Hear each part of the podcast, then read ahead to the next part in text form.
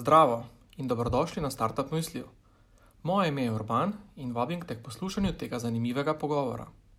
Startup Mysli so podjetniški pogovori s prepoznavnimi imeni domače in tuje startup scene, namenjeni deljenju in izmenjavi izkušenj, pridobivanju novih znanj ter širjenju mreže povezav. Na tovarni podjemu jih že od leta 2012 organiziramo v okviru programa Startup Maribor. Pa začnimo. Evo, dobrodošli uh, na tem uh, hibridnem uh, startup misliju. Uh, Nik, Nika in uh, Matej so z nami, uh, dobrodošli. Uh, na govorili tema bo danes uh, v bistvu Amazon, uh, prodaja Amazonu. Uh, nekateri ste že bili danes na triurni delavnici, ker Nik je v bistvu šel odlično čez v bistvu vse praktične korake, kako spraviti svoje produkte uh, na to največjo tržnico na svetu. Z Nikom smo klepetali, da v resnici ne vidimo razloga, zakaj čisto vsi, ki nimate fizičnih produktov, niste na Amazonu, ker je stvar, se mi zdi, očitno lažja, pa mogoče enostavnejša, ker je vrsta obvladovanja Facebooka in vseh teh ostalih kanalov. Bom potem poprašal vse ostale, če se strinjate s tem. Um, skratka, v naslednjih 90 minutah bomo šli v bistvu čez uh, nekako umestitev Amazona kot prodajnega kanala uh, v, v, v sporedno z vsemi ostalimi uh, prodajnimi kanali, ki jih imamo na nek način na voljo. Uh, potem v bistvu strateški odločitvi, stroških, korakih, skratka, čim več takih, uh, takih uh, stvari, ki jih potrebujete, da se odločite Amazon ja ali ne, in če da, kaj so tisti, tisti nekako bistvene stvari, ki jih morate Amazonu vedeti. Vsi naši gosti imamo s tem več kot veliko izkušenj, pričakuje se da vaša vprašanja, danes smo zato tukaj, da se pogovarjamo, da je dialog. Da, jaz pa kot vedno imam cel kup vprašanj pripravljen, da lahko v bistvu malo začnemo in odpremo debato. Um, Nika, začelo s teboj, uh, v bistvu nisi zadolžena samo za Amazon, kot za prodajni kanal, ampak v bistvu za cel marketing Čipola. Um, povej mi malo, kako ohranjaš ta nekako ravnoteže med ohranjanjem tem pogledom, strateškim pogledom od zgoraj, v bistvu torej gozdom in pregledom na posameznimi drevesi. To je, verjamem, da tvoja naloga, da v bistvu ohranjaš cel marketing pod kontrolo in hkrati skrbiš za posamezne prodajne kanale, zato to skakanje iz uh, helikopterja v, v, v grničke in nazaj. Uh, malo na to temo me zanima. Težko je. Ja.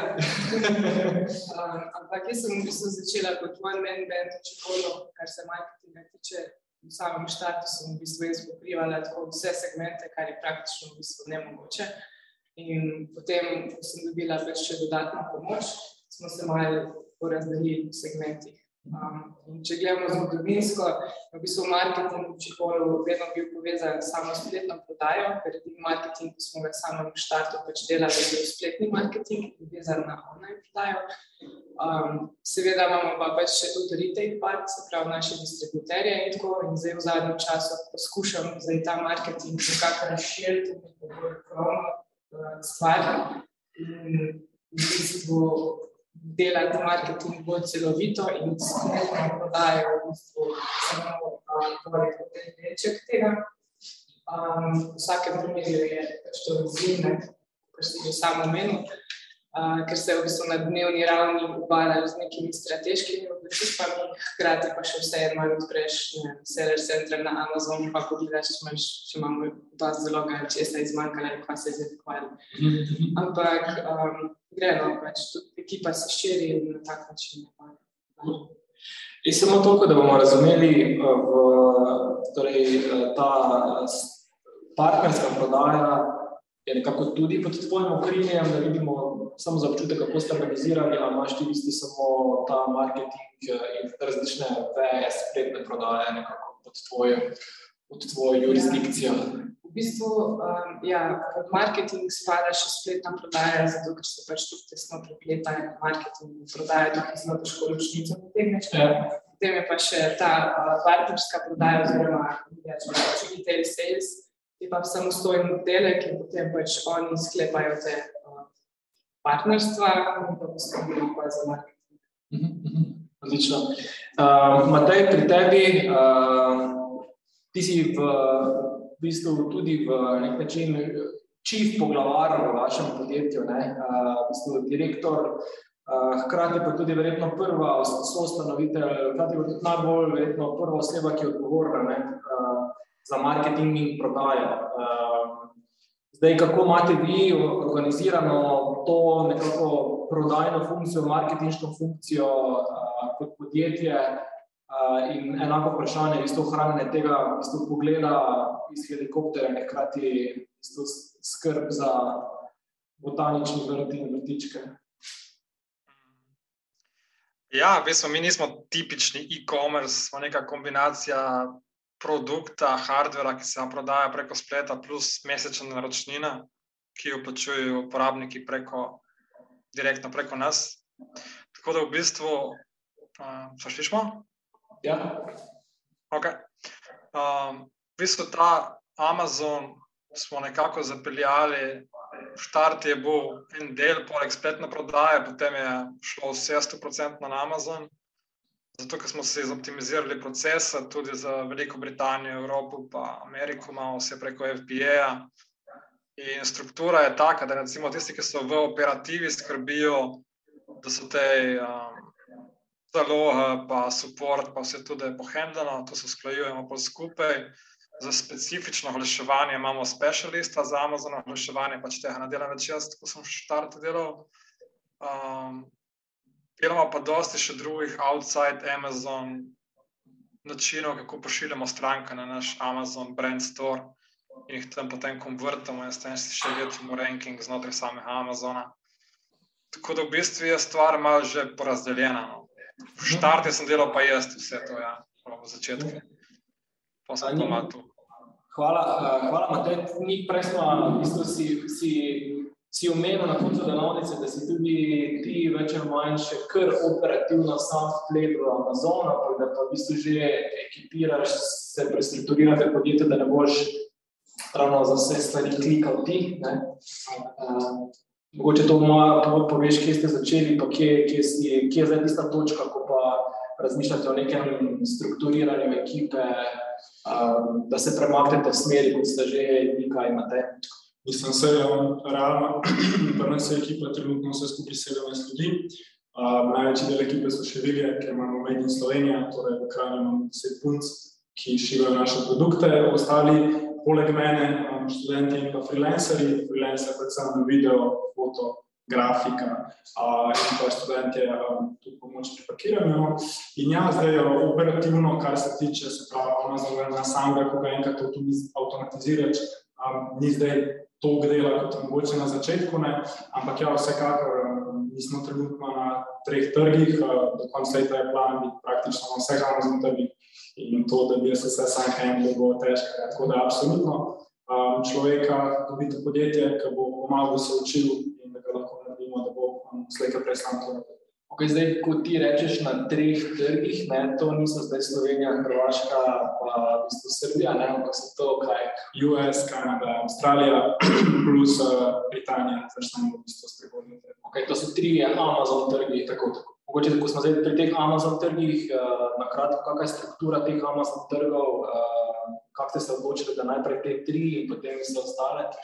Um, mislim, tako kot sem jaz prej rekel, tisti, ki so že bili, mi smo dejansko dobili povabilo od Amazona samega, oni imajo v headquartersu Seattle en oddelek, ki išče nove brende in oni so nam leta 2018 poslali invitation oziroma pač poslali mail, da imajo željo, da začnemo prodajati na Amazonu. Um, in v bistvu iz tega stališča smo mi pa za Ameriko tudi začeli, ker so nas iz ameriškega Amazona nudili potegnili. Um, je pa tako, no, se je tudi kolega povedala, um, ameriški Amazon je daleč največji, največ kupcev, najbolj nasičen trg, največ prodaje lahko narediš. Um, Kanada je kul, cool, ampak je kul manjša.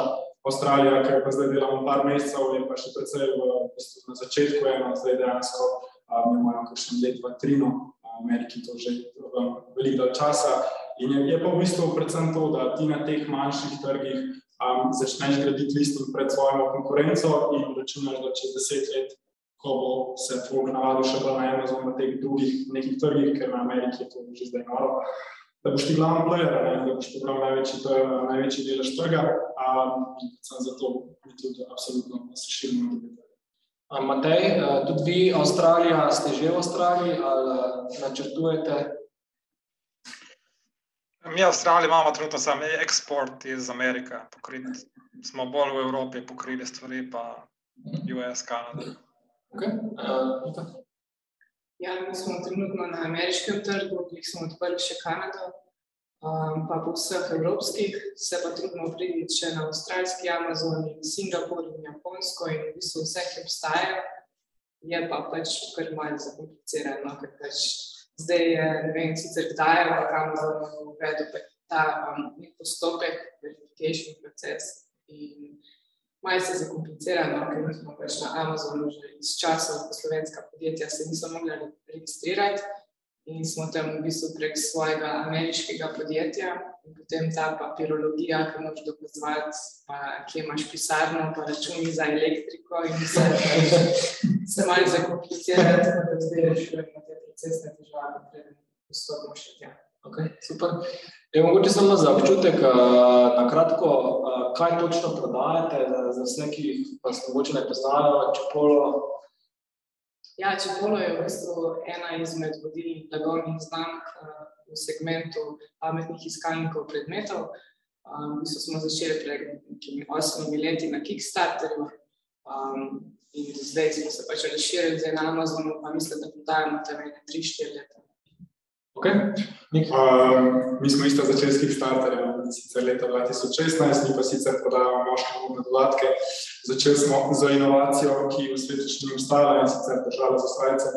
Um, se pravi, moškim, ki morajo ustrajati, mislim, ki morajo biti formalno oblečeni in vstijo produkt, kako zdaj ga dajo na strajco in ohajajo spač.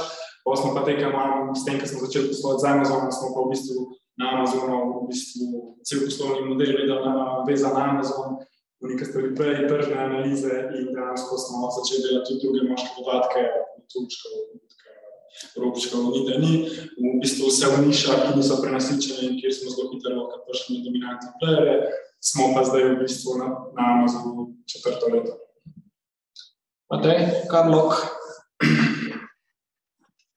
Mi prodajamo tole, to je ena taka napravca, ki gre v avto in potem to obvesti v primeru vdora, v primeru kraja vozila. Um, začeli smo 2014, na Amazonu smo začeli 2015, tipati, 2016 pa resno no, delati. Cool, super, hvala. Uh, zdaj, mogoče, uh, če imate kakšno vprašanje, kar uh, ne vidite, roko mečete, preveč trdih predmetov. Um, razmerje prodaje na Amazonu. Um, Razen mislim, da Nika še vedno ostala doma na tej tudi in uh, Čipolo uporablja druge prodajne kanale. Zdaj, um, kakšno razmerje prodajo stvari prek uh, Amazona, vprašanje za, za Nika, zate pa za Mateja in v bistvu, zakaj takšno razmerje, kot je? Um, zdaj, če pogledamo zgodovinsko, Čipolo je vedno ustvarjal tam nekaj dve tretjine uh, prometa prek retail prodaje, ena tretjina je bila spletna, zdaj v času korona se to približno izenačilo kupov. Uh, in delež Amazona v bistvu raste zdaj trenutno tam na nekih 40% spletne prodaje. Uh, Verjetno zato, ker smo pač 3-4 leta začeli, smo se tudi učili, uh, naši listingi pač so čez dalje bolj kvalitetni in dobivajo na pozicijah in zaradi tega se tudi pač tam prodaja viša, hkrati pa tudi se mi zdi, da se um, veliko kupcev predstavlja na Amazon. Pač če zdaj več je takih, da pač vse kupujejo na Amazon, da če nisi tam, pač te ne kupujejo. Kakšni pa, mislim, da je dolgoročni strateški cilj? Torej, uh, prej neko meno, ne, skakaj optimizacija, pa nastavitev, oziroma Mateja omeno, ne, optimizacija poslovanja procesov. Je to en izmed razlogov, zakaj na Amazon je tudi glavni cilj, da v bistvu v tem delu spletne prodaje praktično greste proti 100% Amazona, uh, ker je to preprosto enostavne, pa bolj optimalno, ali kako imate nekako cilje zastavljene glede tega? Ne, definitivno ne, pač mi še vse um, preferiramo svoje kanale, ker imamo pač več kontrole tam, um, bolj imamo kontrolo na tem, in kaj se dogaja, kaj se dogaja za dolgo, um, na kak način predstavljamo stvari. Um, tako da Amazon, je, kar se tega tiče, zna biti kar izjemno. Ker Amazon je ena taka velika pošast, ki dela pri sebi. Ne? Amazon je marketplace in hkrati tudi prodajalec tam. Vedno bo preferiral sebe. Še vse smo bolj agilni, če uporabljamo naše kanale. Ampak se pa zavedamo, da je to ful pomemben člen vse te, um, mislim, ful pomemben člen v celih opcijah prodajnih kanalov. Enostavno pač može biti tam. Okay. Uh, Matej, isto vprašanje, skratka, delež uh, uh, Amazona in zakaj takšen delež in uh, kak, v bistvu, kam, kam ciljate v nekem srednjeročni viziji? Ja, mi smo imeli včasih oboje, spletno prodajo, pa Amazon prodajo. Zdaj, naš izdelek je tak izdelek, da načeloma dobimo e-mail naslov od vsake stranke, ki ga to uporablja. Tako da nimamo težave s tem tipičnim Amazon problemom, da nimaš kontakta od stranke direktne, tako kot bi hotel imeti. In v bistvu, je drugi del poslovnega modela, ki je najbolj profitabilen, je ta naročnina za storitev, um, smo nekako si poenostavili. Imamo vse preko Amazona, s tem pa da delamo dosti na outside kanalih, da jačamo brend, pa vse skupaj. Ampak checkout proces je samo Amazon. Zdaj, en tak primer je recimo sales tax v Ameriki, če imaš preko Amazona, načeloma si dosti pokrit. Da če imaš prodaje direktno preko svoje spletne trgovine, imeli še s tistim birokratske stvari. Recimo Velika Britanija šla zdaj tudi, da že dejansko oni pobirajo tudi davka. Mislim, za določene stvari poenostavi procese. No? Tako da Prvo nas je bilo tudi tako, da smo testirali, smo imeli boljši conversion rate na Amazonu. In pa smo na eni točki ugotovili, da, da pač je bilo boljše, tako da smo dali vse na Amazon. Ampak to je spet case by case, no. to je pa za nas, to ni za neko pravilo. Da pravim, da je to vse. Seveda. Ampak kaj pa ta v bistvu, argument, neke, da imeti vse pod kontrolo, uh, Amazon dela sebi prid. Uh, kako ste, v bistvu, kak ste vi doživljate te neke minuse, v bistvu, da, da ste izključno na Amazonu. Uh, in, uh, ali, je ta, ali je res ta poenostavitev bila toliko pomembna, pa toliko težka, da ste se, da ste se odrekli vsem ostalim alternativam? Ja, mislim, za nas je ta poenostavitev bila dovolj pomembna, da smo rekli, da je tako najbolj enostavno, pa smo res fokusirali bolj marketing aktivnosti na neka druga načina, kako Mislim, se še zmeraj imamo toliko obiska na spletni strani, vse sam pol pač peljemo folk na naš brand store. Zdaj recimo Amazon je ravno kar, ne vem, kar en mesec nazaj, dva, uvedel tudi, da dobiš en lep tri četrt fija nazaj, če ti pripelje stranko v Amazon, ne? tako da v bistvu tudi ta fi se tudi izenači relativno. No? Um, tako da zaenkrat nimamo plana jeti nazaj na, na spletno trgovino, vsaj mi. Um, Niko, omenili si še v bistvu te uh, neke minuse, mogoče Amazona, primerjavi recimo z vlastnimi prodajnimi kanali. Uh, kaj so ti največji minusi, ki, zaradi katerih še vztrajate pri kompleksnejši logistiki in uh, nekako vzdrževanju ostalih alternativ? Uh, mi smo v bistvu imeli spletno prodajo že prej vzpostavljeno, tako da vsi ti procesi, kar se tiče davkov in shippinga in logistike, so že vzpostavljeni, še pred, Amazon, še pred Amazonom, tako da Amazon v bistvu ni bil neka poenostavitev za nas. Ne? Ampak v bistvu smo se mogli naučiti delati znotraj Amazona. Velikrat se je zgodilo, pač pri nas res naredi, da damo nove produkte, recimo enkrat na let gor, ne? Na novo postavljamo listinge in vse. In pol veliko se zgodi, da pač hočemo kaj spremeniti, pa nekaj drugega dol pade, pa si v kontaktu s supportom. Pač res si v kontaktu z njihovim supportom na dnevni bazi, ker je vedno nekaj narobe. Ne, nastaviš popust, pa se narobe obračunava in dobijo stranke produkt za ston in plačujejo sam shipping in Amazon reče, ja, mi neč ne vemo, da je dokaj narobe. In tam v bistvu na drugi strani nimaš ene osebe, um, s katero bi se pogovarjal o teh problemih, ampak imaš pač nek ustroj ljudi. Večinoma so to pač neki suporti iz Indije, ki ti dajo take generične odgovore, ker se ne moreš nekaj pomagati. Um, tako da, če prideš v te faze, da imaš na drugi strani dejansko posebo na Amazonu, da te posluša, kaj je narobe in ti poskuša pomagati, da to že lahko Vem, eh, recimo obstaja tako pri ostalih tovrstnih digitalnih nekih kanalih, kot je Facebook in ostali, v bistvu neka nek threshold prihodkov, ki ti moraš na mesec narediti, da dobiš dedicirano support osebje, obstaja neka ta meja in koliko ta meja, če poznate. Uh, Vekdo, mislim, je to sploh koncept pri Amazonu?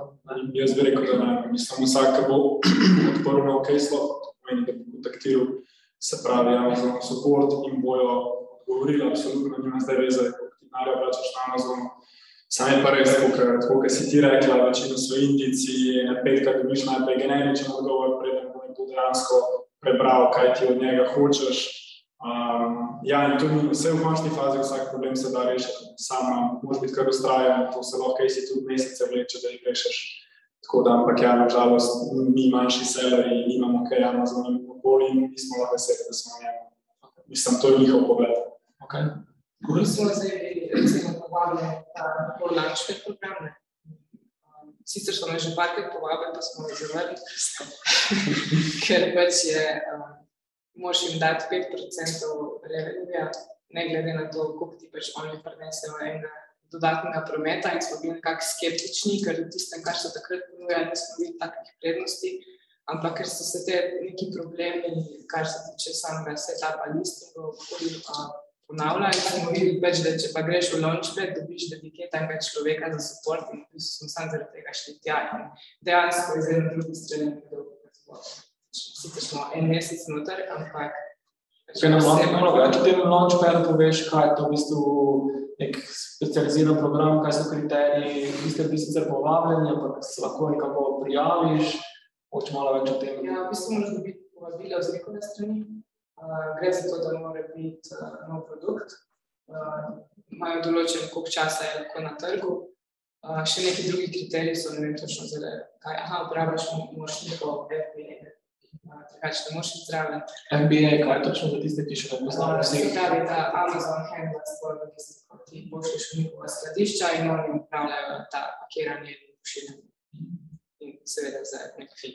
Um, ja, in mislim, da je pogoj tudi to, da, si da, si, da je mogel podjetje dobiti nek zunanji funding, da, da se sploh kvalificiraš pa za ta launchpad. In to je v bistvu njihov um, program za lansiranje novih produktov, um, imajo neke posebne izpostavitve, kjer potem izpostavljajo pač te produkte, ki so del launchpada. Sicer jih je še vse eno, eno morje, ne.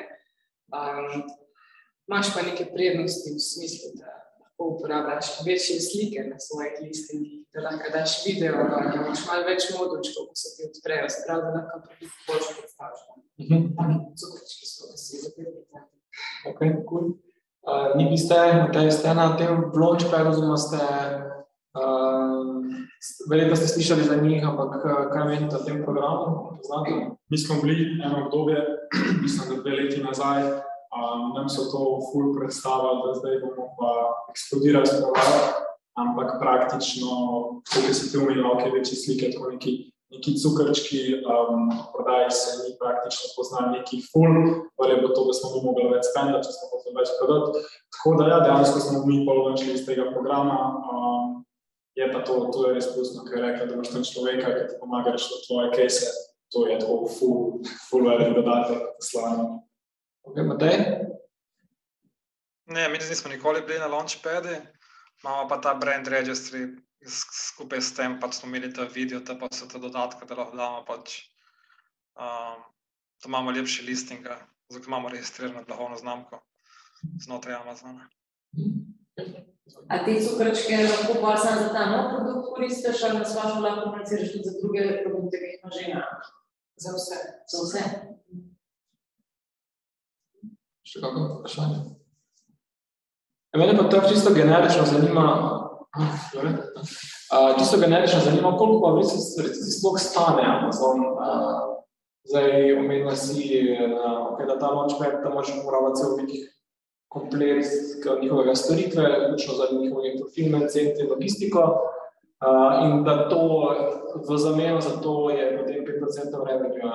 Koliko pa sicer, recimo, tak zelo, pa nastavljena matematika, učenik, če razložiš. Um, pač ti tak imaš najprej fiksen fee, ki stane 39,99 dolarjev na mesec, da imaš tako sploh professional seller account. Drugače pa, če delaš FBA sistem, to je tako, kot je kolegica premenila, se pravi, ti svojo robo pošlješ v njihovo skladišče in oni naprej pošiljajo strankam, ti vzamejo cirka 25 do 30 poslov vaše prodajne cene, pa so pa še advertising cost, to je pa čisto odvisno od posameznika, posameznega podjetja, kot bo spendal, tako da na oko bi jaz rekel med 25 in 30 poslov, če bi se da strinjali nekaj osnovne. Računica? Matej? Ja, ja. Bo kar držala. Vika? Ja, ja, se strinjam. Kratki odgovori. Uh, kaj pa v primerjavi, uh, okay, ti si rekel, da še v bistvu 25-30, ampak tukaj je brez oglaševanja. Torej, zdaj, če oglaševanje pride, kaj pa recimo konkretna matematika na vaših caseih, mogoče uh, kak je ta cena v bistvu razdeljena in kaj na koncu stane. Recimo, če pač stane produkt 100 enot. To je, mislim, to je zdaj zelo težko specifično govoriti, ker itak ima vsak produkt, vsako podjetje svoje marže. Če imajo marže 20 poslov, in 100, in 300, in 500. Ja. Tako da zelo težko zdaj pač specificirati na posamično. Ampak mi recimo delamo tam med 20 do 30 odstotkov maržo v večini primerov. Um, ja. okay. Kratko. Kaj pri vas, koliko je recimo strošek Amazona, oziroma strošek oglaševanja, torej pridobitve novega kupca, je večji od strega stroška Amazona ali je to približno enako, vse to nekako mogoče razmerje? Um, Sem malo drugače. Zdaj, če pogledamo, mi imamo itak malo prodajno ceno določeno, če pač v štartu, zato ker poslujemo na večjih kanalih in vse bo stopno, da ta pač cena štima tako da niti ni prilagojena zdaj za Amazon. Je pa v primerjavi s prodajo na, lastni, na lastnih kanalih ta procent, ki ga pač pobere Amazon, sigurno pač višji s temi filmi. Je pa res, da pač tam pač prideš nekam, kjer ljudje imajo namen kupiti. Tako da v bistvu tam, ko oglašuješ, si že zelo nizko v tem prodajnem diaku. Zdaj pač delaš pa social media, tam pa pač ciljaš ljudi, ki grejo na Facebook, recimo zdaj v mes, če smo preveč dolgocajni in res nimajo namena zdaj nekaj kupovati. Kar se advertisinga tiče, je tam je na Amazonu sigurno bolj optimalno, imaš pa omejen, omejeno skupino ljudi, pač tisti, ki pridejo na Amazon in iščejo nekaj podobnega. Matej, ta matematika, torej uh, oglaševanje na Amazonu, primerjavi z ostalimi kanali, uh, je, se tudi pri vas na ta način izide, oziroma na ta način razumete? Ja, mislim, mi imamo neka vrsta loss leader poslovni model trenutno, torej mi na hardware ne delamo plusa, delamo več ali manj, vsaj v Ameriki delamo kar minus na prodaji hardware, ampak je nekako namensko, Zato, ker s to ceno, ki jo pravimo zdaj držati, imamo zelo uredi conversion rate, torej število ljudi, ki vidi produkt in pol dejansko kupi. Uh, pa tudi strošek oglaševanja ROAS, return on ad spend, vse skupaj je zelo v redu. In v bistvu mi dobimo cash pol na back-end in nazaj na digitalnih naročninah, pri katerih pač naše stranke so kar zaveste. Tako da pol, v bistvu naš fizični produkt je nek marketing tool, in naša zguba na hardware prodaji je nek marketing growth. Mhm. Zato, da fulfillamo pač SaaS model, ki ga imamo, ki je digital, B2B, B2C SaaS. No. Tako da je malo drugače kot tipičen Amazon produkt, ki računaš, da boš neko maržo naredil in v bistvu je zelo težko biti profitabilen, zato kot so ostali že povedali, je kar nekaj te milijon nekih stroškov nepredvidenih in pa se čudež, ki je tisti denar ostal. No ampak pa za nas je pa še zmeraj ok. No. Mislim, mi smo imeli bistveno, bistveno boljši conversion rate na Amazonu. Um, ampak Amazon Amerika, v primerjavi s tem, kar je bilo 2015-2016, je rado že ful bolj kompetitiv. Mi smo bili nekaj časa na drugem mestu, organsko, za našo ključno besedo, to glavno. Um, ampak je full competitive, je US, no. tako da je kar borba pol se ohranjati visoko in vse skupaj. E, koliko pa ste vi, recimo, zdaj zgodovinsko uh, mogli povečati v bistvu vložek v oglaševanje, da ohranjate iste pozicije na Amazonu, v primerjavi s tem, takrat, ko ste začeli? Mislim, zdaj čist formulo ti ne znam povedati, ampak v štartu, ko sem začel aktivno delati, smo za 5 dolarjev na dan prodali 2-3 naprave. Mm. Kar je zdaj smešno poceni. Ampak še zmeraj je, še zmeraj je ok. No. Tu je isto kot early days of Facebook, early days of AdWords. Tako je bilo takrat, ko je bilo early days of Amazon. Veš, takrat je spet časi, ki na produkte, eni še niti oglaševali, niso v eni kategoriji, sploh ni, ni bilo še niti oglasov. In takrat je bilo vse dosti enostavno tudi za, za naštemati in optimizirati, zdaj pa tukaj še zelo več nekih opcij in vse skupaj. No. Mogoče to še vprašanje, rekel si, da imate, vsi imate taki zelo hibridni model, ne, skratka prodate hardware, zato da potem uh, v bistvu pride zraven naročnina, od katere načeloma delate dobiček na nek način, ne. Um, ima Amazon s takimi hibridnimi modeli težave ali eh, to z odprtimi rokami sprejema in spodbuja to, da ti uh, potem denar nekje druge delaš? Se, se to isto vprašanje ima pole tudi Google problem, pa uh, Apple. Ne? Mi imamo tudi v aplikacijah, pobiramo naročnine direktno, uh, mimo tistih 30%, ki bi jih Apple pa Google popravil, kot digitalni aplikaciji.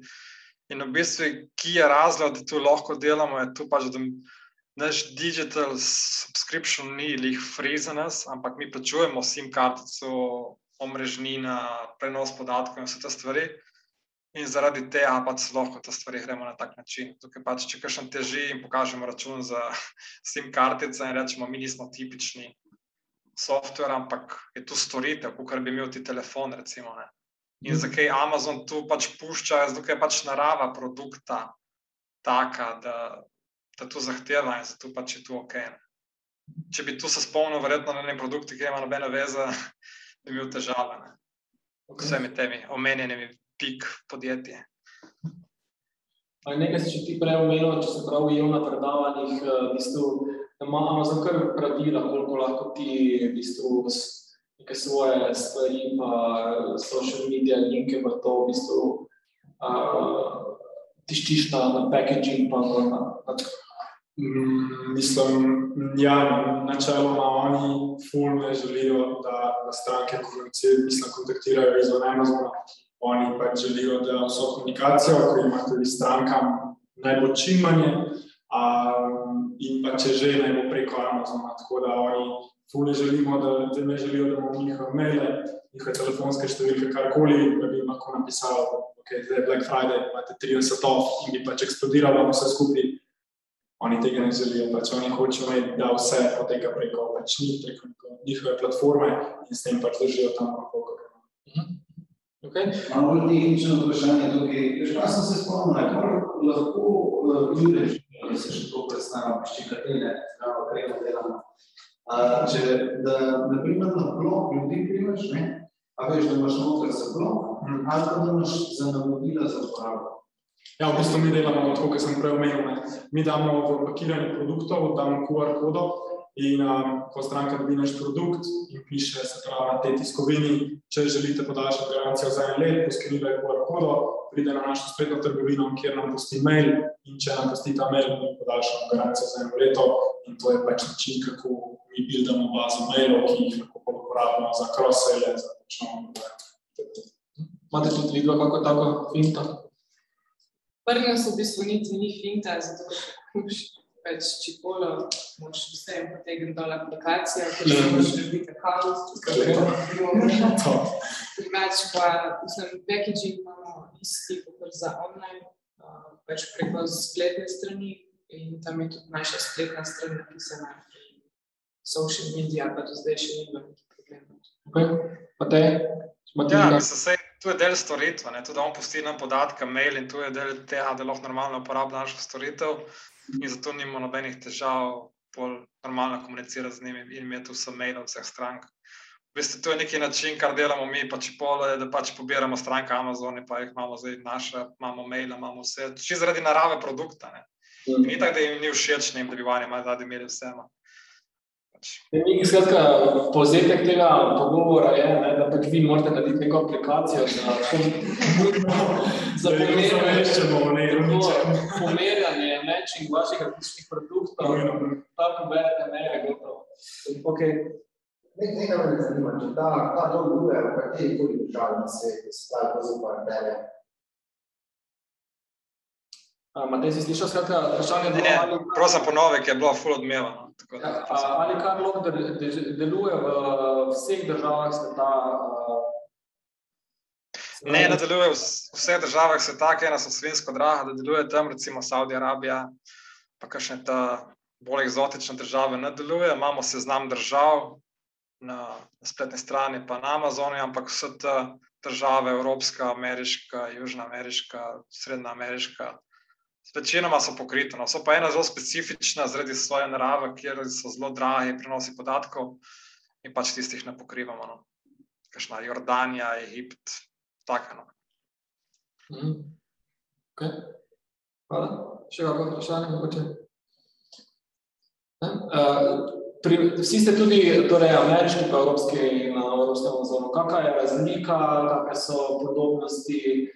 Zakaj en, zakaj drug, uh, je to sploh alternativa, oziroma zakaj ne na oba, če malo ta primerjava, tako ameriški, pa evropski Amazon, kar uh, po vrsti.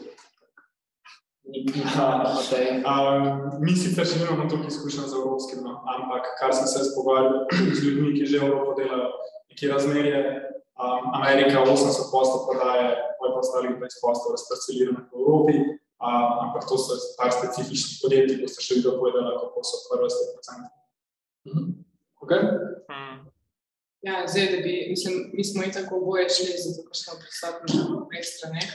Zdaj, kar se tiče same administracije, recimo je ameriški Amazon dosti bolj odprt, oziroma dosti manj stvari mu moš pokazati, da se pusti prodajati. To fulno komplicira. To je.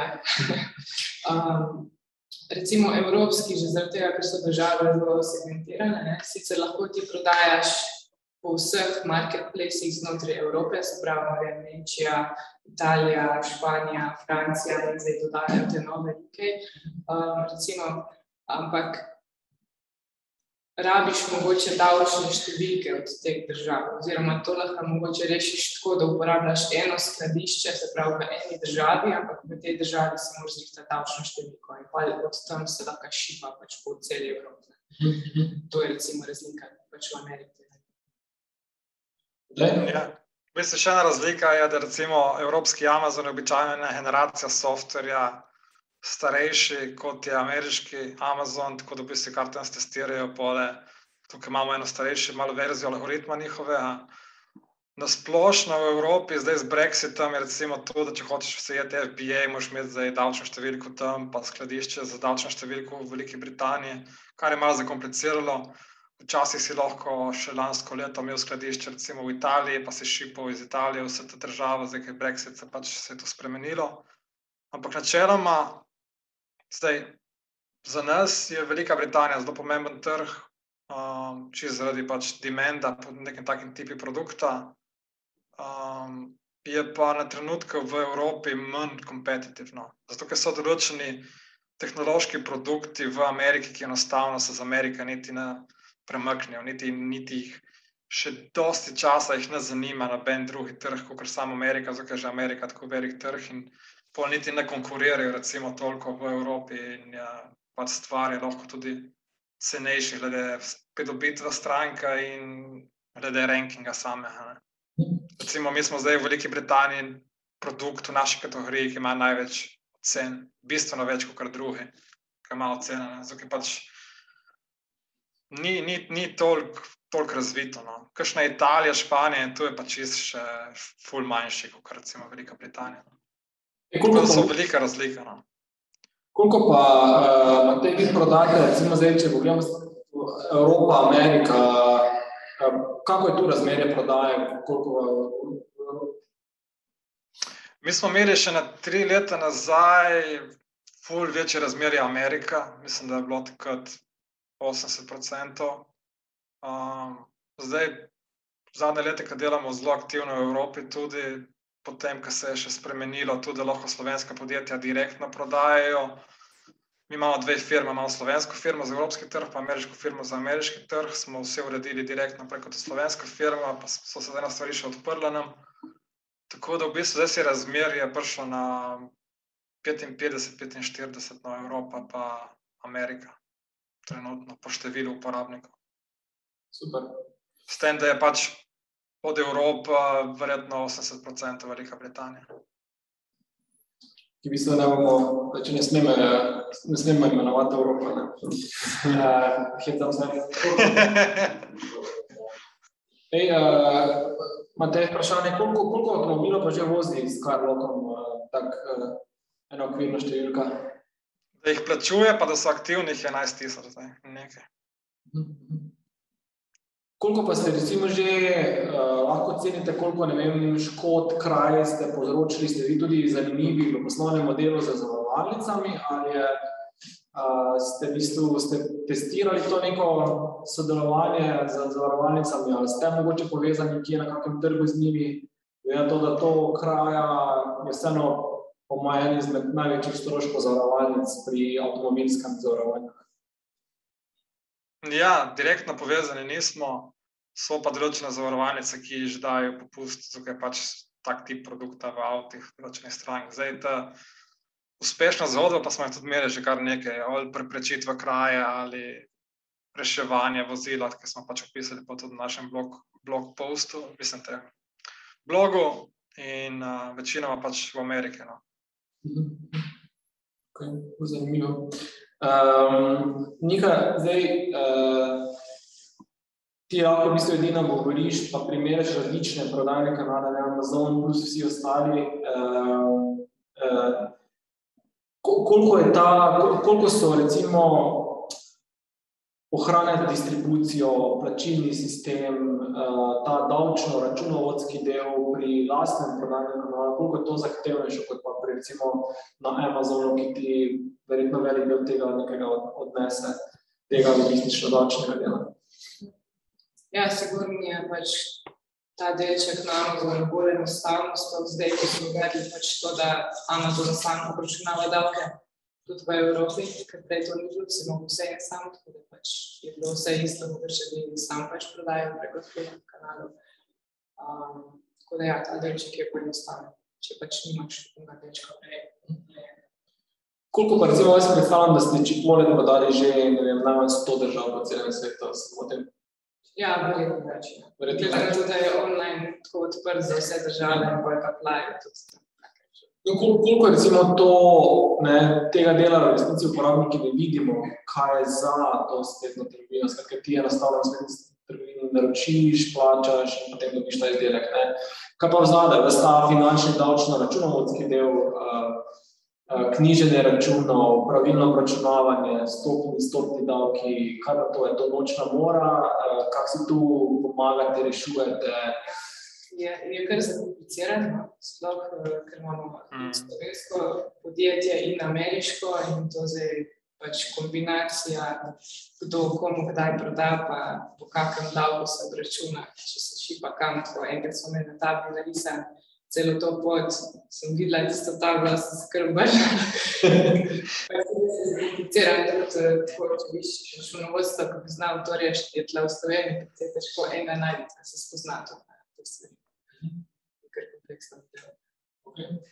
Ali to tudi če smo pač v Evropi, recimo v Nemčiji, preseže 10 tisoč eh, evrov prometa, moč samo prijaviti za ta, da plačeš v tisti državi? To se je spremenilo, zdaj s 1. julijem vse skupaj, ker je one-stop shop se bil uveden. In v bistvu zdaj bilo komu ti prodaš iz Slovenije, ven moš obračunavati davk v njegovi državi. Ne. Potem pa da. In pa lahko odvesti preko teh one-stop shop platform, direktno na vsako četrtletje. Ne? Ti, kot firma, ne boš plačati po Nemčiji davek za tisto stranko. Ta one-stop shop, mogoče malo več o tem poveš, eh, kaj so ti one-stop shopi, na kak način funkcionirajo. Um, je to nekaj, je to optional, je to must, kako kak, kak to deluje? Zdaj, včasih je bilo tako, da ti si lahko prodajal iz Slovenije, recimo, lahko si šel v Amazon Fulfill by Merchant, pa si v bistvu izdelek prodal in poslal direktno iz Slovenije, ne, mimo njihovih skladišč. In recimo, mislim, da v Nemčiji je bilo 80 tisoč evrov, v Franciji je bilo 40, v Italiji je bilo 40 tisoč evrov prometa na leto, si lahko ti obračunaval direktno slovenski DDV in je pač računovodki na to normalno po teh slovenskih stvarih uhendla. Zdaj, s prvim sedmim za Evropo je pa tako, da v bistvu ti moraš, uh, kot sem rekel, če prodaš francozu, obračunava 20-odstotni davek in potem tudi ta davek prenakazati vsako četrtletje. In v Francijo, in v Italijo, in, to, in to se dela preko enega spletnega portala, ki je ta One Stop Shop, kjer računovodstvo pač tu vnaša in, in kam se po to enkrat v šus plača vse te stvari. Ampak je, kot je rekla Nika, ja, tukaj je uh, en kup, ena birokracija. In, uh, bistvu mi imamo zdaj en računovodski servis v Veliki Britaniji, ja, za italijansko davčno številko, pa imamo tega slovenskega, ta glavnega, ki naj bi usklajeval malo stvari, v bistvu še zmerno dosti interno usklajujemo. Tako da te stvari, ki jih kupci na videu v zadju, so kar, kar nekaj tega sranja, po domače povedano. Če, če pa prodajate preko Amazona, pa vi Amazonom prodajate v bistvu, ne, moderno kupca, ne, ne. Tisto, če si vendor, ne, to je, če bi ti direktno prodajal, kar paleto roba Amazonu, oni bi odkupili, pa bi se potem ukvarjali. Če si seller, pa določene stvari padijo še vedno na ta. Ne. Tako da sta dva modela tukaj. Ne. Eno, da, da prodaš. Ampak še furs nima sploh jasno razmerja, kako bi morali te stvari funkcionirati. Res je to pomembno, da vi imate, uh, lahko povedali, katero računovodstvo imate, ki vse približno šteka do... Uh... Ja, v bistvu mi delamo, primer, računovodstvo Škofje Luke, zdaj že v bistvu od začetka so se spravili v te naše digitalne challenge, ker so začeli Kickstarter, koliko pa zdaj še Amazon. In so kar naštudirali zadevo, no, ker jaz ipak nimam časa s tem ukvarjati, tako da pač vam vse te stvari navrihta, tako da če lahko kakšno pomoč, konzulting, lahko meni kontaktirate, pa sprožim. Koga imate vi nikaj? Iskreno povedano, da to mi je. Kaj pa vi imate? Uh, mi smo dosti časa sodelovali z enim računovodskim servisom, ki je handlal pač vse te možne variante, ampak zdaj smo se odločili za specializacijo enega računovodskega servisa, ki je res specializiran za Amazon, ki ima računovodski servis tudi v lasti eno Amazon trgovino. Potem morajo že sami dosta stvari vedeti, in so pač dosta up, up to date vse skupaj.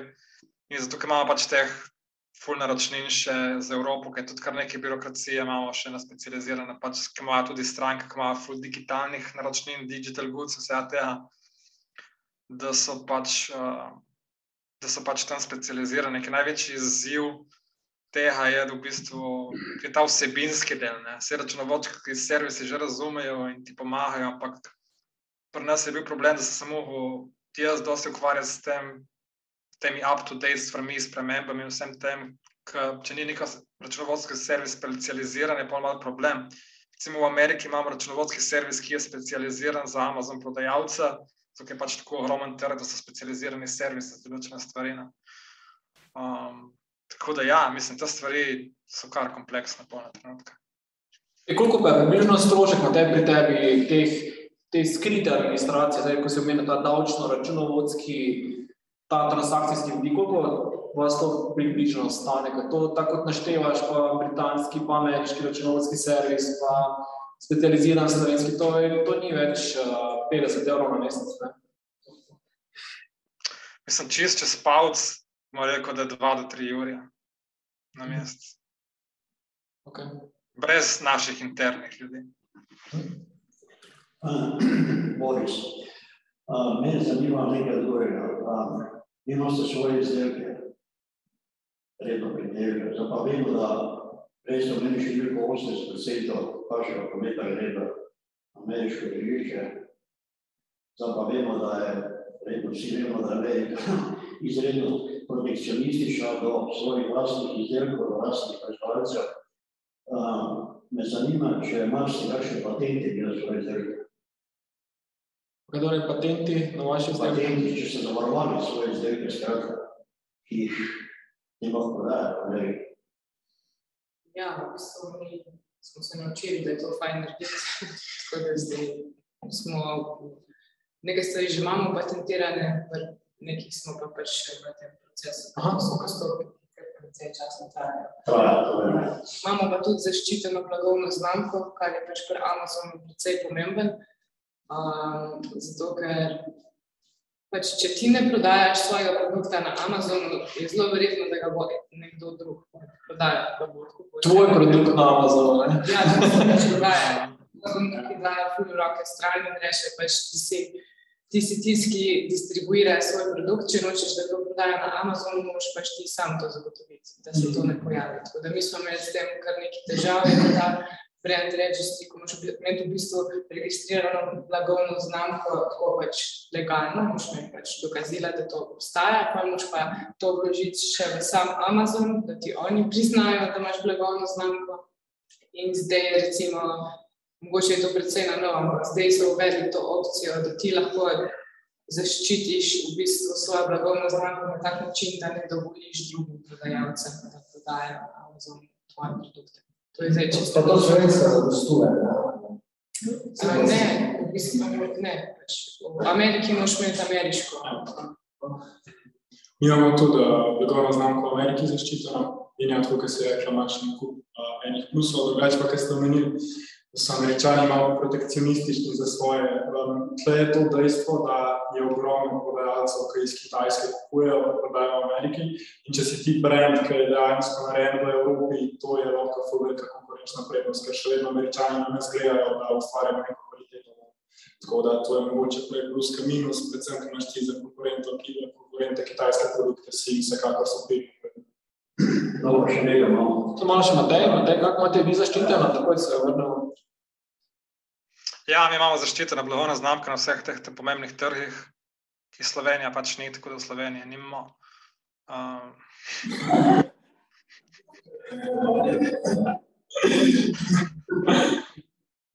Tako da ja, pač ta brand registry mislim, da je rešil dosti problemov. No. Kar je neka omenila, če ne si imel neke preprodajalce, ki so kupovali na Black Friday, to je deset izdelkov, pa so jih provali prodajati pod ceno. In se bo treba ukvarjati s tem, zdaj ki je brand registry, če si ti ta pač lastnik blagovne znamke, je pač dosti mirno zdaj s tem. Samo to še mogoče, da to pojasnimo, ker to tudi prej sem zaznal pri tebi, eh, ko si razlagal. Ker če imaš ti zaščiteno blagovno znamko, imaš praktično neke določene opcije odprte, ki če tega nimaš, torej nimaš. Ne?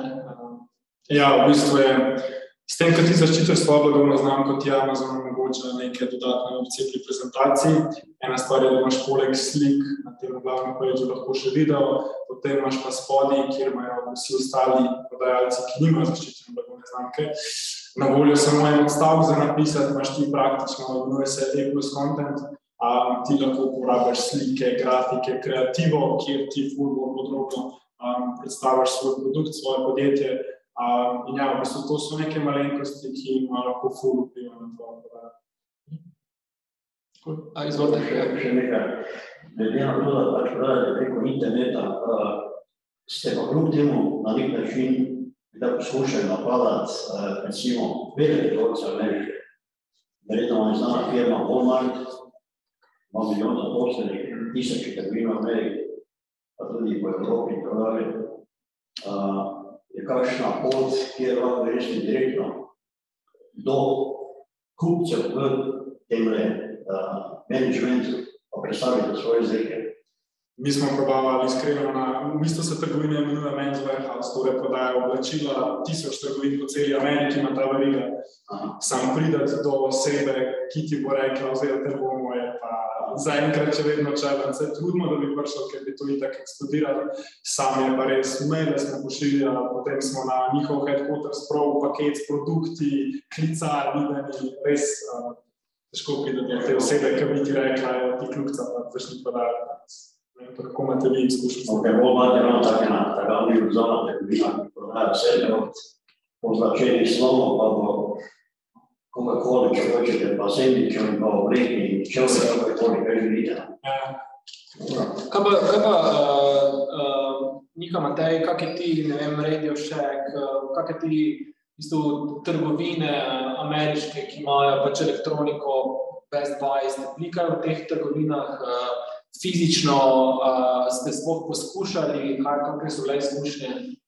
Ja, mi smo v bistvu um, že od samega štarta se prizadevali priti sem noter, imeli smo pač nekaj distributerje tam v Ameriki in od začetka to pač ni biti najbolj pretvarjeno. Ampak zdaj smo pa že prišli do takih, pač je pomemben, da oni poznajo ljudi, ki delajo tam, ne, imajo pač dobre veze. Tako da zdaj smo v bistvu prišli v Best Buy, um, Sam's Club, Walgreens, pač take večje žige. Status. Ja, vi zdaj gremo na te ponavljanje.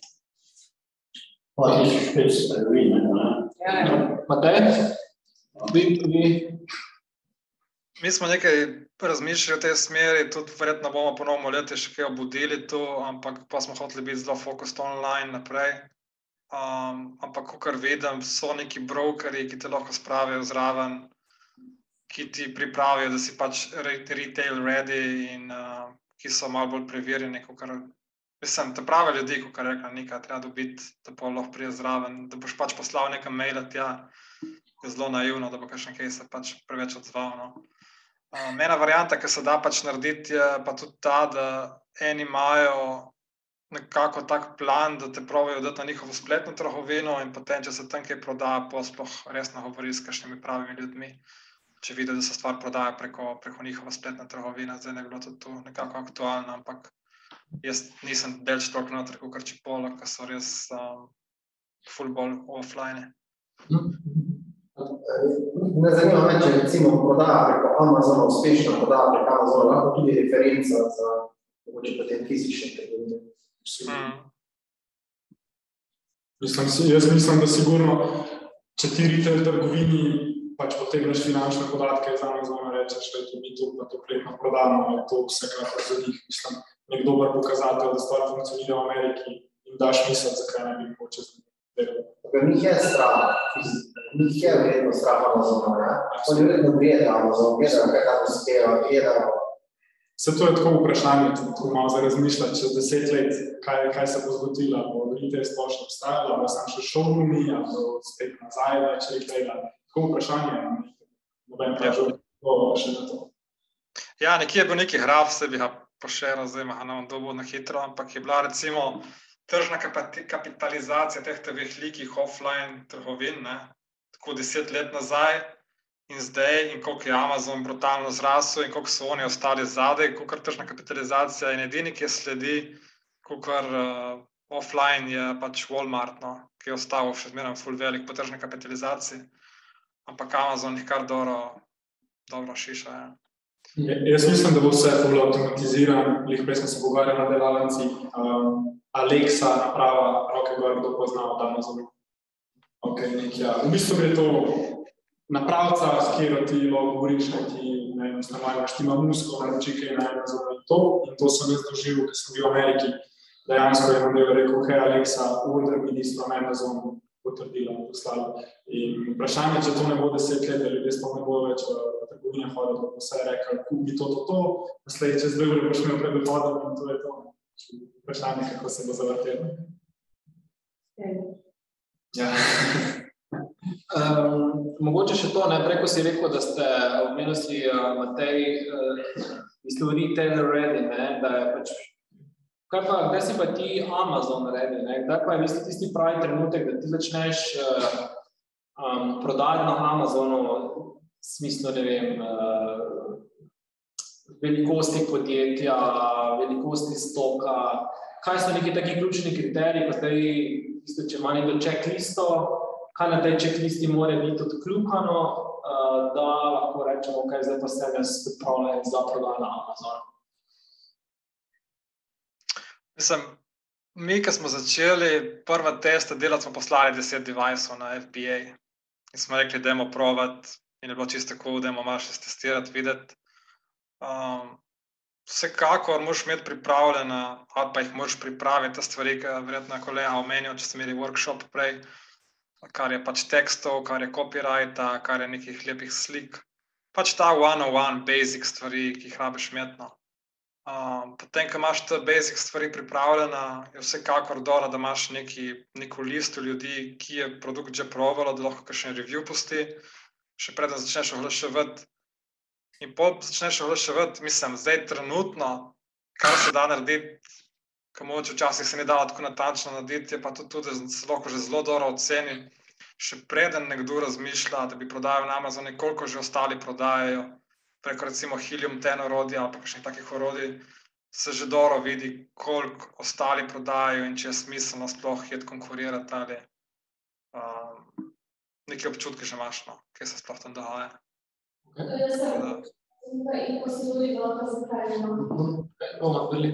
Um, to še, uh, mogoče, kaj pa ta, rekel sem, da ste deset naprav uh, poslali, ne? Uh, zdaj, se niste bali, da bo recimo, vem, popraševanje ful večje in potem bo tam, je to kakšna nevarnost tam, če, če tisto ni na zalogi, da potem je to neki, bad image, whatever, uh, neka slava stvar, ki, ki vrže, ne vem, slabo luč na podjetje, kak, kak je ta del? Uh,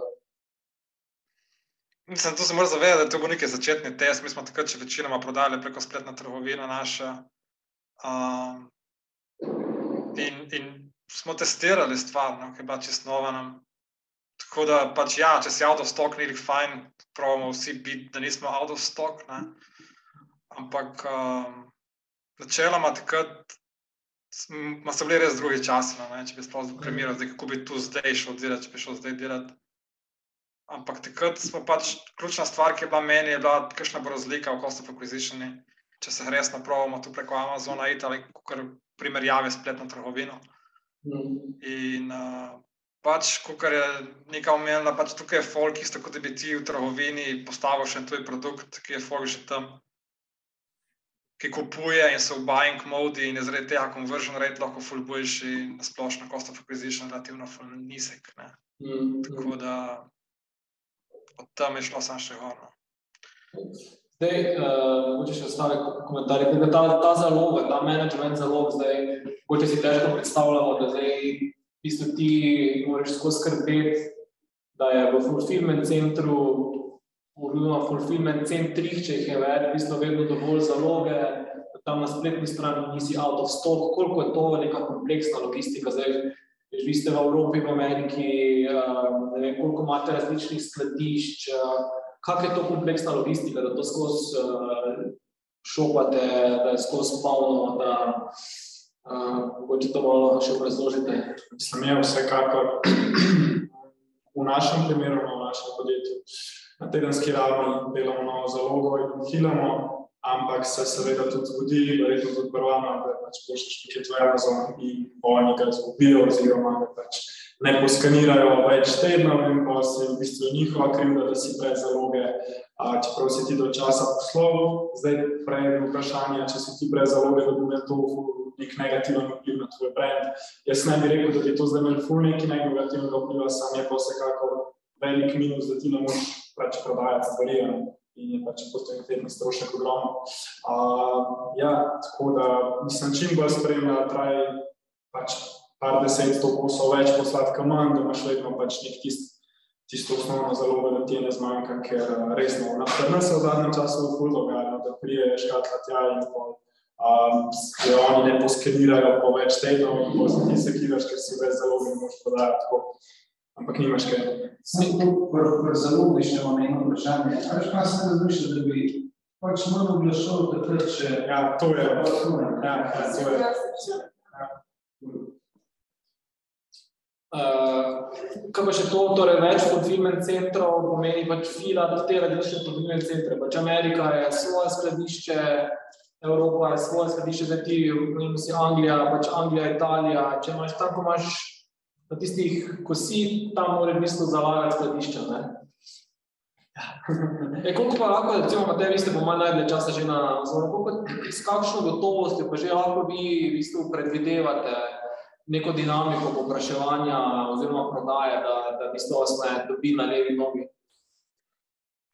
Se lahko predvidevamo, ampak recimo, da dam primer, letos smo imeli februarja, ful dober mesec, pa marca še boljši, pa januar je bo tudi skoraj tako kot december, tako da Veš, vse predvidevaš, lahko, ampak pol te zmerno tudi preseneti. Mi trenutno, kako delamo stvari, imamo tri skladišča, ki jih filmamo, eno je ameriško, eno je UK, eno je italijansko. Potem imamo pa še backup skladišča, recimo, kadar je bila korona, se je zgodilo za vse te non-essential produkte, v katere smo tudi mi, da se je pač zamaknilo delivery date na 30 dni in je ustavilo vse skupaj, od takrat imamo še backup skladišče, um, na katerega lahko takoj preklopimo, če se bilo kakšna stvar zgodi. Tako da imamo še tisto, zdaj, kako planiramo. Pač mi smo skušali za Q4 zmeraj imeti puhno zelo, kot se le da, ker vemo, da v Q4 so dosti težave, ker vsi pošiljajo noter še toliko več roba. Je pa tudi ena stvar, ki treba imeti v mislih, ki treba balansirati, da ti lahko imaš maksimalno toliko izdelkov noter, zdaj, če jih imaš preveč, pa tudi ni pravim. In pole treba tu nekako nek pameten proces imeti, koliko, koliko tu filati, da je lih prav, ampak da ni preveč. Zdaj, še ena stvar, ki je aktualna, je problem s temi čipi pri nas in dobavami in vsem tem. Um, ko ste šli, da so ure vozi, odpustili na vem koliko ljudi, ker pač avtomobilski te proizvajalci nimajo čipov. Tako da s temi čipi je kar izziv in pač treba je ful planirati naprej. No. Mislim, mi smo planirali zdaj tako, da imamo v Sloveniji toliko več zaloga, uh, že redi, da potem leži pol handlamo stvari tudi za naprej, pa za ostale skladišča, ampak tudi mi tu tedensko spremljamo in imamo pod kontrolo. Ja. Ja, če imaš zdaj samo to, sem, da ti rečem, da so te sliko, no, da se vidiš, kako zgledaš, sem ti na LinkedIn poslal. Ne, hotel sem te povprašati, pa da se vidi, če moraš za deka, pa da imaš hold, ali imaš malo prodaje, čez vse. Ali imaš samo zelo noter, pa pač plačuješ stop. Uh, torej, uh, vprašanje je, da imaš to backup skladišče, ali ga imaš aktiviranega, ali ga imaš v bistvu izključno backup, preko katerega ne delaš nobene prodaje in ti pač tam notri roba stoji, samo za primer, da se pač kje zaštrika v ostalih treh skladiščih. Ameriško je trenutno backup, čist backup. Nekaj roba je tam, ki stoji, ki čaka, če bi se kaj zgodilo. Z ostale evropske stvari pa je backup, da pošiljamo po Sloveniji direktno preko Fulfilled by Merchant. Ne. Zdaj, za UK pa backupa ni. Um, ampak ja, treba biti pripravljen na vse možne stvari, ki se je v koroni lepo videlo, kako se hitro lahko stvari porušijo, vseh teh supply chain stvarih in nasplošno. Mislim, da so še kar izzivi. To je ne vem, koliko bark zasidrenih pred Los Angeles, uh, tu pač uh, Lukuno. In, in, in poznam tudi ljudi, ki imajo ful težave, da sploh dobijo robo. Kup ljudi, ena konkurenca je bila out of stock za en mesec, ker enostavno niso dobili robo, ki je v kontejnerje pač tukaj zdaj mislim, da je tudi borba s tem supply chainom. Tisti, ki bomo obdržali se in stok, bomo mogoče še malo bolj konkurenčni kot tisti, ki enostavno ne bi mogli biti in stok zaradi vseh teh težav. Mogoče samo to, da uh, omenili ste, da Q4 se mi zdi, da je taki paradni mesec na Amazonu, ne tam okrog črnega petka in Q4 to je.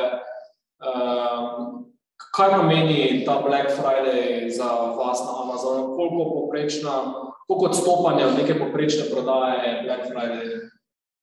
Pri nas je, mislim, da Black Friday pa Cyber Monday prodamo toliko, bi prodali čez palc v pol meseca, normalno prodamo v dveh dneh. Mhm, Nekaj okay. dna čez palc. Uh, pri nas je, se pravi, petek pa ponedeljek, sta v bistvu 100% več kot običajno. Na poprečen dan. Okay. Kaj pa pri vas? Pri nas je ponovadi Black Friday, to bo, kar drugače podamo v celem mesecu. Pač. pač to je res ta zaloga na Amazonu problem, zato ker oni imajo že nasploh probleme s skladišči, ker imajo premalo in pač samo delovno silo in to je pač tak širok problem na Amazonu. In se dogaja, da so že v času korona se pač ful um, zmanjšali te limite, koliko imaš lahko ti svoje robe tam v skladišču in nam se konstantno dogaja, da pač razprodamo, preden jo pač oni procesirajo novo pošiljko. Prej smo pošiljali vem, za en mesec stoka v skladišča, pa je to ok. Um, zdaj pa v bistvu pošiljamo na dva tedna, oziroma tudi na teden, pa smo vmes zgodili, da smo brez zaloge. Tako da ponavadi zdaj to handlamo tako, da pač predstavljamo iz Fulfilled by Amazon na Fulfilled by Merchant in pač sami pošiljamo od tukaj, oziroma iz skladišča, tako kot veš. E koliko pa to strošek uh, poveča, če imaš ti fulfilled by merchant ali pa fulfilled by Amazon, koliko je to recimo za vas, za čipolo, višji strošek uh, Čisto, mislim, katera država, tam se malo pogleda, Amazon računa, za ta fulfillment in pa je čisto odvisen zdaj, kak, kako pogodbo imaš pa ti z nekom, ki ti to dostavi. Lahko je dražje, lahko je cnej, če so odvisni. Jure? A pa vidiš, kako mislim, da se kaj spremeni, kako listing rangira, če imaš en prijem, ali ne, mislim, kaj Ja, pade, že- na primer. Že načeloma pač naj bi veljalo tako, da Amazon preferira tiste, ki imajo pač en. Ja. Ampak to lahko hitro svičaš, na primer, če nimaš zelo, da rečeš, jaz je pa zdaj en prijem, pa isti listing, pa zgledaš, pač Ja. imaš beka. Lahko je. Okay. Sam njim je lažje, pa je v Ameriki. Mi imamo različno veliko za naše, ne vem, šipman, pa to, pa to. Točni šipno. Ja, ja, cool. Ja, kaj pa vi? Uh, uh, imate tudi chipmunk, uh, imate v Ameriki? Ali imate kako drugo, ta backup? Ne, eno drugo skladišče imamo, ampak je le tako integrirano direktno preko API-ja na Amazon, tako da da preklopimo polone, sam šipijo normalno. Mislim, ni treba nič ročno štelati, ne. Enostavno preklopijo in takrat polone šipijo naročila direktno z njihovega skladišča. Da to je v bistvu stvar enega klika, da ti preklopiš iz v bistvu, uh, pač pošiljanja iz Amazonovega skladišča v, v, pač v, v, iz nekega drugega.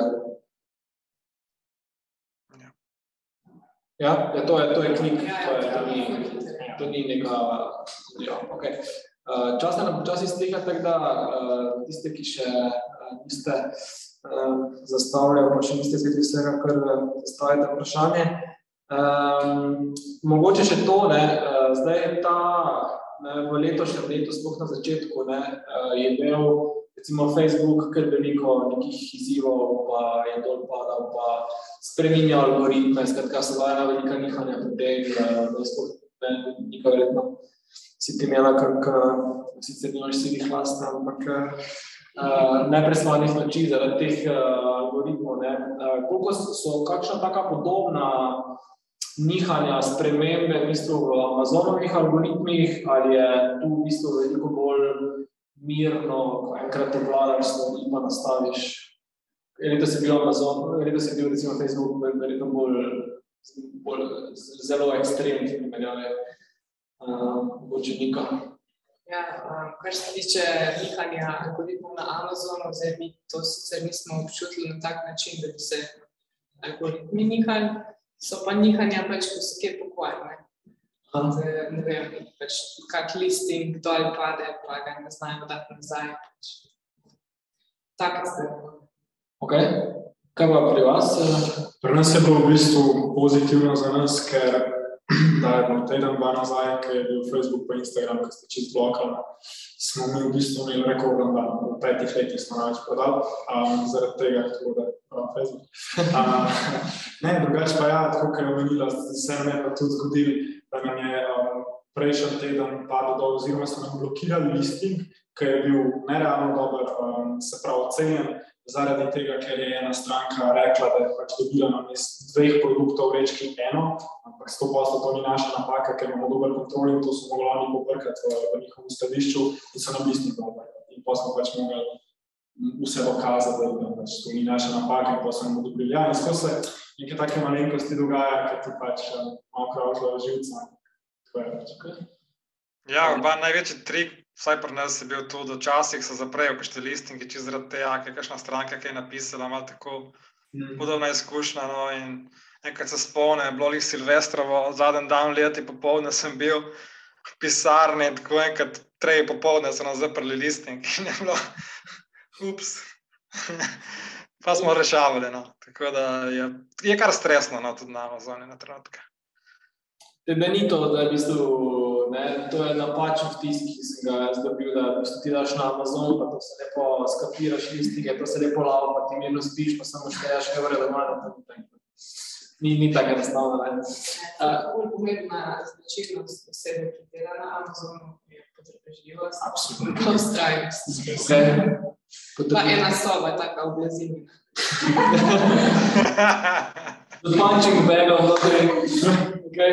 Uh, samo ena stvar, mogoče se še na hitro dotaknemo. Skratka, omenili ste zdaj v tej zadnjem krogu vprašanj, a te v bistvu komentarje, pa v bistvu komentarji, intervjuji, a, ocene imajo očitno kar velik vpliv na celotno logistiko izkušnjo na Amazonu. Zdaj, kako, kako upravljate te komentarje, torej jih spodbujate, verjetno pozitivne, se ukvarjate z negativnimi, kakšna je mogoče tu neka operativa tukaj zadaj, neka, neka, Pa v bistvu je tako, dejansko Amazon omejuje tvoj dostop do stranke. Ko ti nekdo pusti one star review na Amazonu, ti praktično ne moreš, tako kot recimo v tvoji spletni trgovini, dva klika, dobiš njegov mail in rešiš šest, pač moraš biti na blogu in probati najti to stranko. Vse pa zgodi, da ta stranka lahko ime nek generičen kot je Amazon Customer in pač ni šans, da najdeš in dejansko nimaš tle čisto narediti.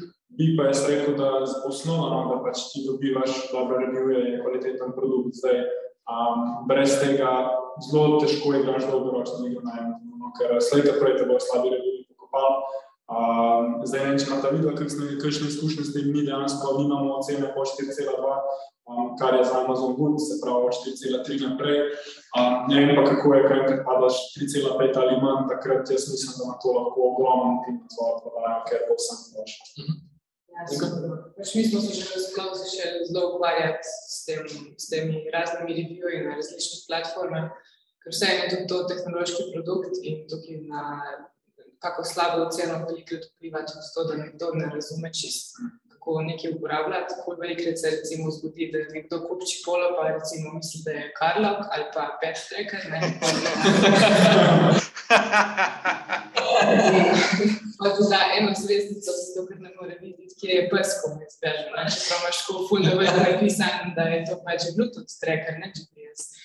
Um, da ja, tudi smo, tudi, kar se tiče kvalitete samega produkta, smo ful delali na tem, da smo pač poslušali, kaj nam govorijo, tiste stvari izboljšvali in pa tudi sistematično naredili ta pobiranje reviewjev, ker vse imaš nekaj možnosti na Amazonu, da sprožiš ta zahtevek, da ti nekdo da review. Uh, pa zdaj se v bistvu odprl to, uh, kar je Nik rekel, da pač nimaš opcije nekaj narediti, če ti da nekdo slab review, tudi zdaj mislim, da v zadnjih dneh, da so odprli to opcijo, da se ti vzpostavi, da lahko vzpostaviš komunikacijo s tistim, ki ti je dal slab review. Seveda pač brez nekih pričakovanj, da bo on to popravil, ne, vsaj poveš, da Ko se rekli sistematično, da se ukvarjate, to pomeni, da imate pravo osebo, ki pač se ukvarja s temi reviewi na različnih platformah, ali imate prav kak vem, sistem, algoritem, program, ki se detektira slabe reviewje, pa vas opozarja, ali to pač nekaj, ki...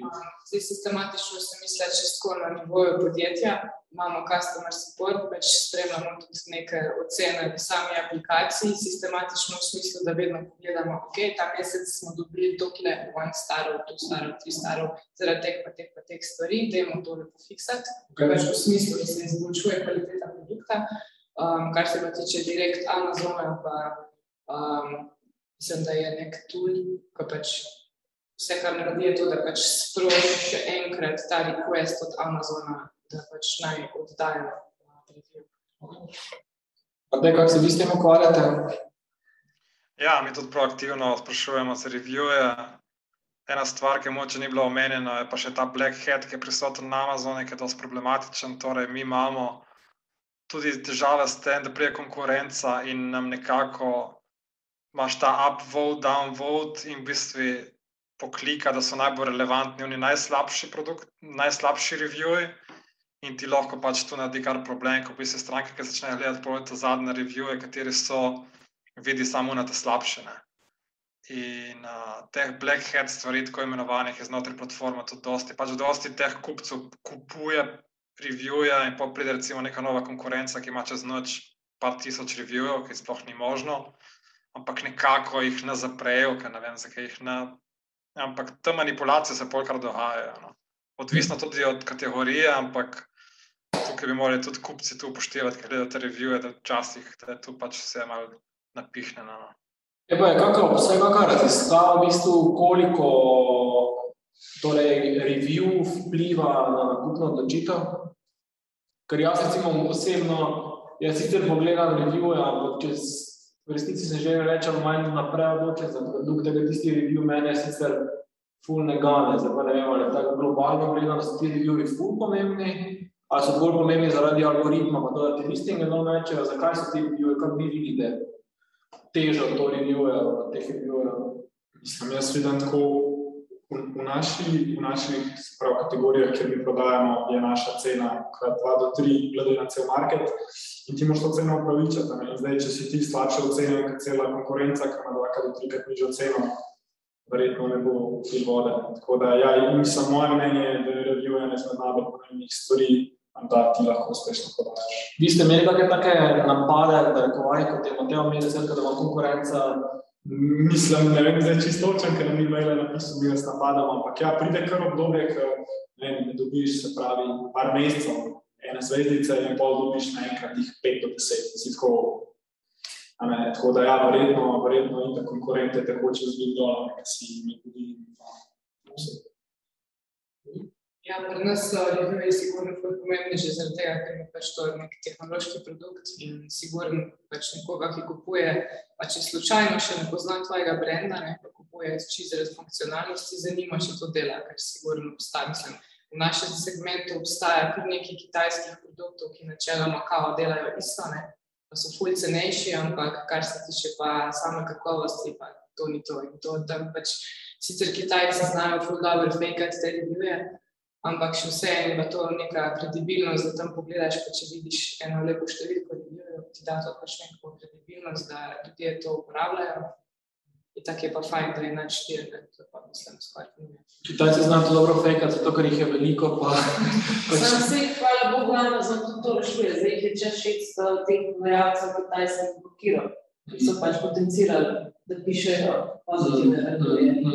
To je dobro za nas, ne, se res trudiš, da uspeš, tisti pa pač pejkam. Urša, okay. to nekaj vi imate, v bistvu uh, letos, v bistvu ta Ocean Edition, uh, ali ste lani dali? Lani. Uh, koliko, koliko pa recimo generalno vidite, ali opazite pri kupcih, da to neko ekološko sustainability, te neke nove trende, um, okoljsko prijaznejših, sprejemljivejših produktih, koliko recimo kupci to nagrajujejo, preferirajo, ali to v bistvu še vedno cena, kako se to vedno sta ključna komponenta. Koliko vidite sami, ko ste v stiku s trgom, da so ti um, elementi produkta, marketinga postali pomembni? V bistvu, če si iskreno na, na nivoju samih kupcev, obstaja pač nek segment ljudi, ki jim je to pomemben in zato je pač to ena fultodana vrednost za njih. Ampak tako na splošno bi pa bolj rekla, da se pozna ta trend eno stopničko višji, se pravi na ravni ne vem, kakih distributerjev, partnerjev, mogoče tudi novinarjev, fotografij, ki pišejo kako zgodbo na to temo. Da marketinško je to sigurno full plus. Um, tudi tako, če pogledamo vem, segment poslovnih daril, recimo, ki so tako visoki tam se, se opazno povečuje zahteva po takih a, produktih, ki so prijazni do okolja, ampak do končnih kupcev, pa da bi opazili res trend, da bodo pa zdaj vsi tega kupovali. Ja. Čeprav je tudi dražje pri ostalih, pa še ni tega preskoka. Okay. Um, a ta videla kakšne take podobne izkušnje? Nik, uh, mislim, mi tako nismo veliko v tej branži, ampak mogoče naša ena konkurenčna prednost je Made in Europe se pravi, je to um, roba, ali ena pač prihaja iz Evrope. In um, ja, sigurno ima to neko dodano vrednost v celi prezentaciji. Lepo, imate vi kako tako izkušnjo? Mislim, eko in to ni, da smo nekaj, kar več kot toliko ne moramo biti. Um, pa tudi mi nekako s naprav izpostavljamo ta Made in Europe, ampak produkt se vidi, da pač ni kitajski. No. Tako, pa tudi dejansko je Made in Europe. No. Um, tako da mislim, da če se stvari pravilno naštimajo, se pole vidi ta diferencijacija produkta. No. Mm, mm. Posebej pa ne izpostavljate Made in Europe ali pa Made in ne vem kje. Uh, ali to posebej brendate, nekje v opisih to izpostavljate, ali, ali to preprosto pač bolj prepustite, da to posredno razvidno iz vsega skupaj, kot neposredno. Sem v Ameriki smatram kot ameriško podjetje, no? nikjer ne izpostavljamo, da smo Made in Europe. Mislim, da izpostavljamo, da smo Made in US, ker nismo, ampak nekako tako. No? Okay. Ja, meni, pač pri opisu, ko imaš oporne točke, ena oporna točka je namenjena temu. Um, Kaj posebej tako za končne kupce ne izpostavljamo tega, povemo pa partnerja, se pogovarjamo z njimi, ker tam pa je pač tudi, ker mi to delamo produkt pač v Sloveniji. Ni to design in uh, design in Kalifornija, made in ja, ja, ja. Okay, uh, mogoče samo še za zaključek en taki uh, malo pogled naprej. Uh, Matej, uh, zdaj, kako leto bo naslednje leto pred, pred vami, mogoče malo, malo, malo poveš, pa mi bo, predvsem me zanima to, no, da je stebro naprava, ki se več ali manj postaja, tudi na nek način že delček, skoraj standardne opreme, v kolkem času pričakuješ, da bo to več ali manj postala neka standardna oprema in uh, kaj, kaj bo kar nog takrat. Ja, mislim, največji izziv, po mojem, za nas za drugo leto je v Ameriki, ko bo sprememba v mobilnih omrežjih in podpora potem teh starejših naprav in vse, kar pa še zraven. Zdaj, glede tega, da bo tu v avtih, se deloma strinjam, deloma pa stranke še zmeraj gledajo na product solution. No, in če ta solution, ki ga imamo mi, je pač boljši kot tisti, bo še zmeraj verjetno aktualno. No. Mm. Recimo, smo imeli tudi še imamo stranke, ki imajo Tesla, pa bi tudi rekel, da se v bistvu ima Tesla vse notrno.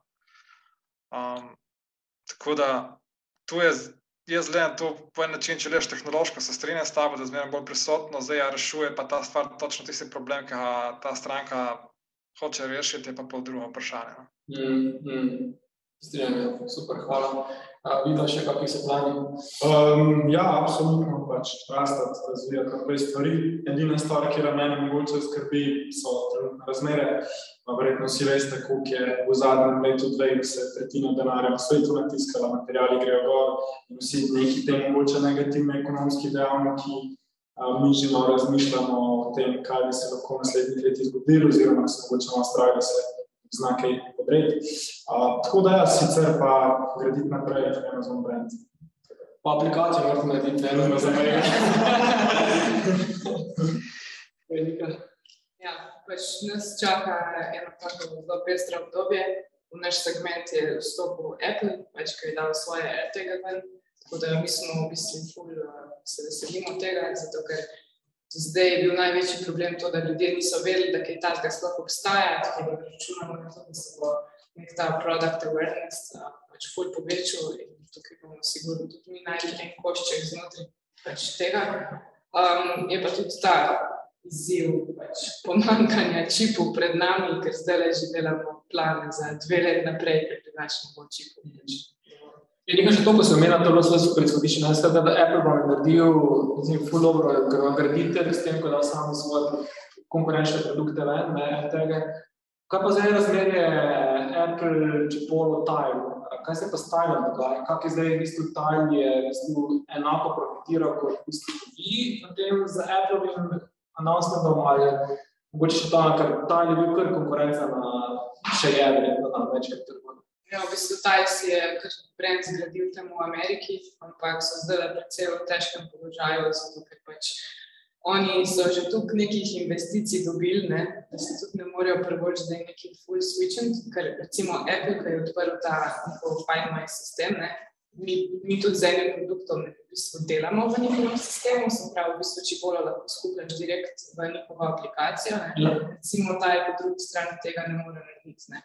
In ful obstaja možnost, da se bo pač trend vsega tega premaknil v to smer, da bodo ljudje, ko bodo iskali neki iskalnik predmetov, da bodo pač pričakovali, da bodo lahko kadarkoli videli, kje so ključi, ker to je pač glavna prednost. Ne. Že zdaj vsi mislijo, da lahko kadarkoli pogledajo, kje so ključi, čeprav to tudi ne morejo.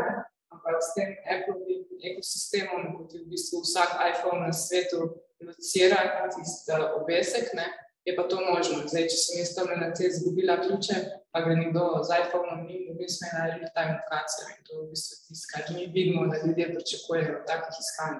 To, kar ste vi načeloma želeli z Chipolo Networkom narediti, naj je zdaj v bistvu pač, uh, naredil Apple na malo večjem uh, scale. malo večjem. Ej, cool, uh, super. Uh, ej, ful je bilo zanimivo klepetati. Uh, hvala lepa vsem za vsem trem te super pogovore. Um, vse, vse na svete modrosti, uh, želim super uspešno zaključek leta, da bo Q4 res tako, kot mora biti, ne Black Friday, da bo krat 100. da prebrodite vse izzive, ki jih imate, pa se še kaj vidimo. Matej, pozdrav na Primorsko in lep večer še naprej, se vidimo kaj. Ti je bilo všeč? Da ne boš zamudil novih epizod, klikni subscribe. Veseli pa bomo tudi tvoje ocene, komentarja in delitve, da za nas vedo še druge radovedne glave. Pobrskaj po naši bogati zbirki pogovorov, gotovo se v njej skriva še kaj zate. Se slišimo?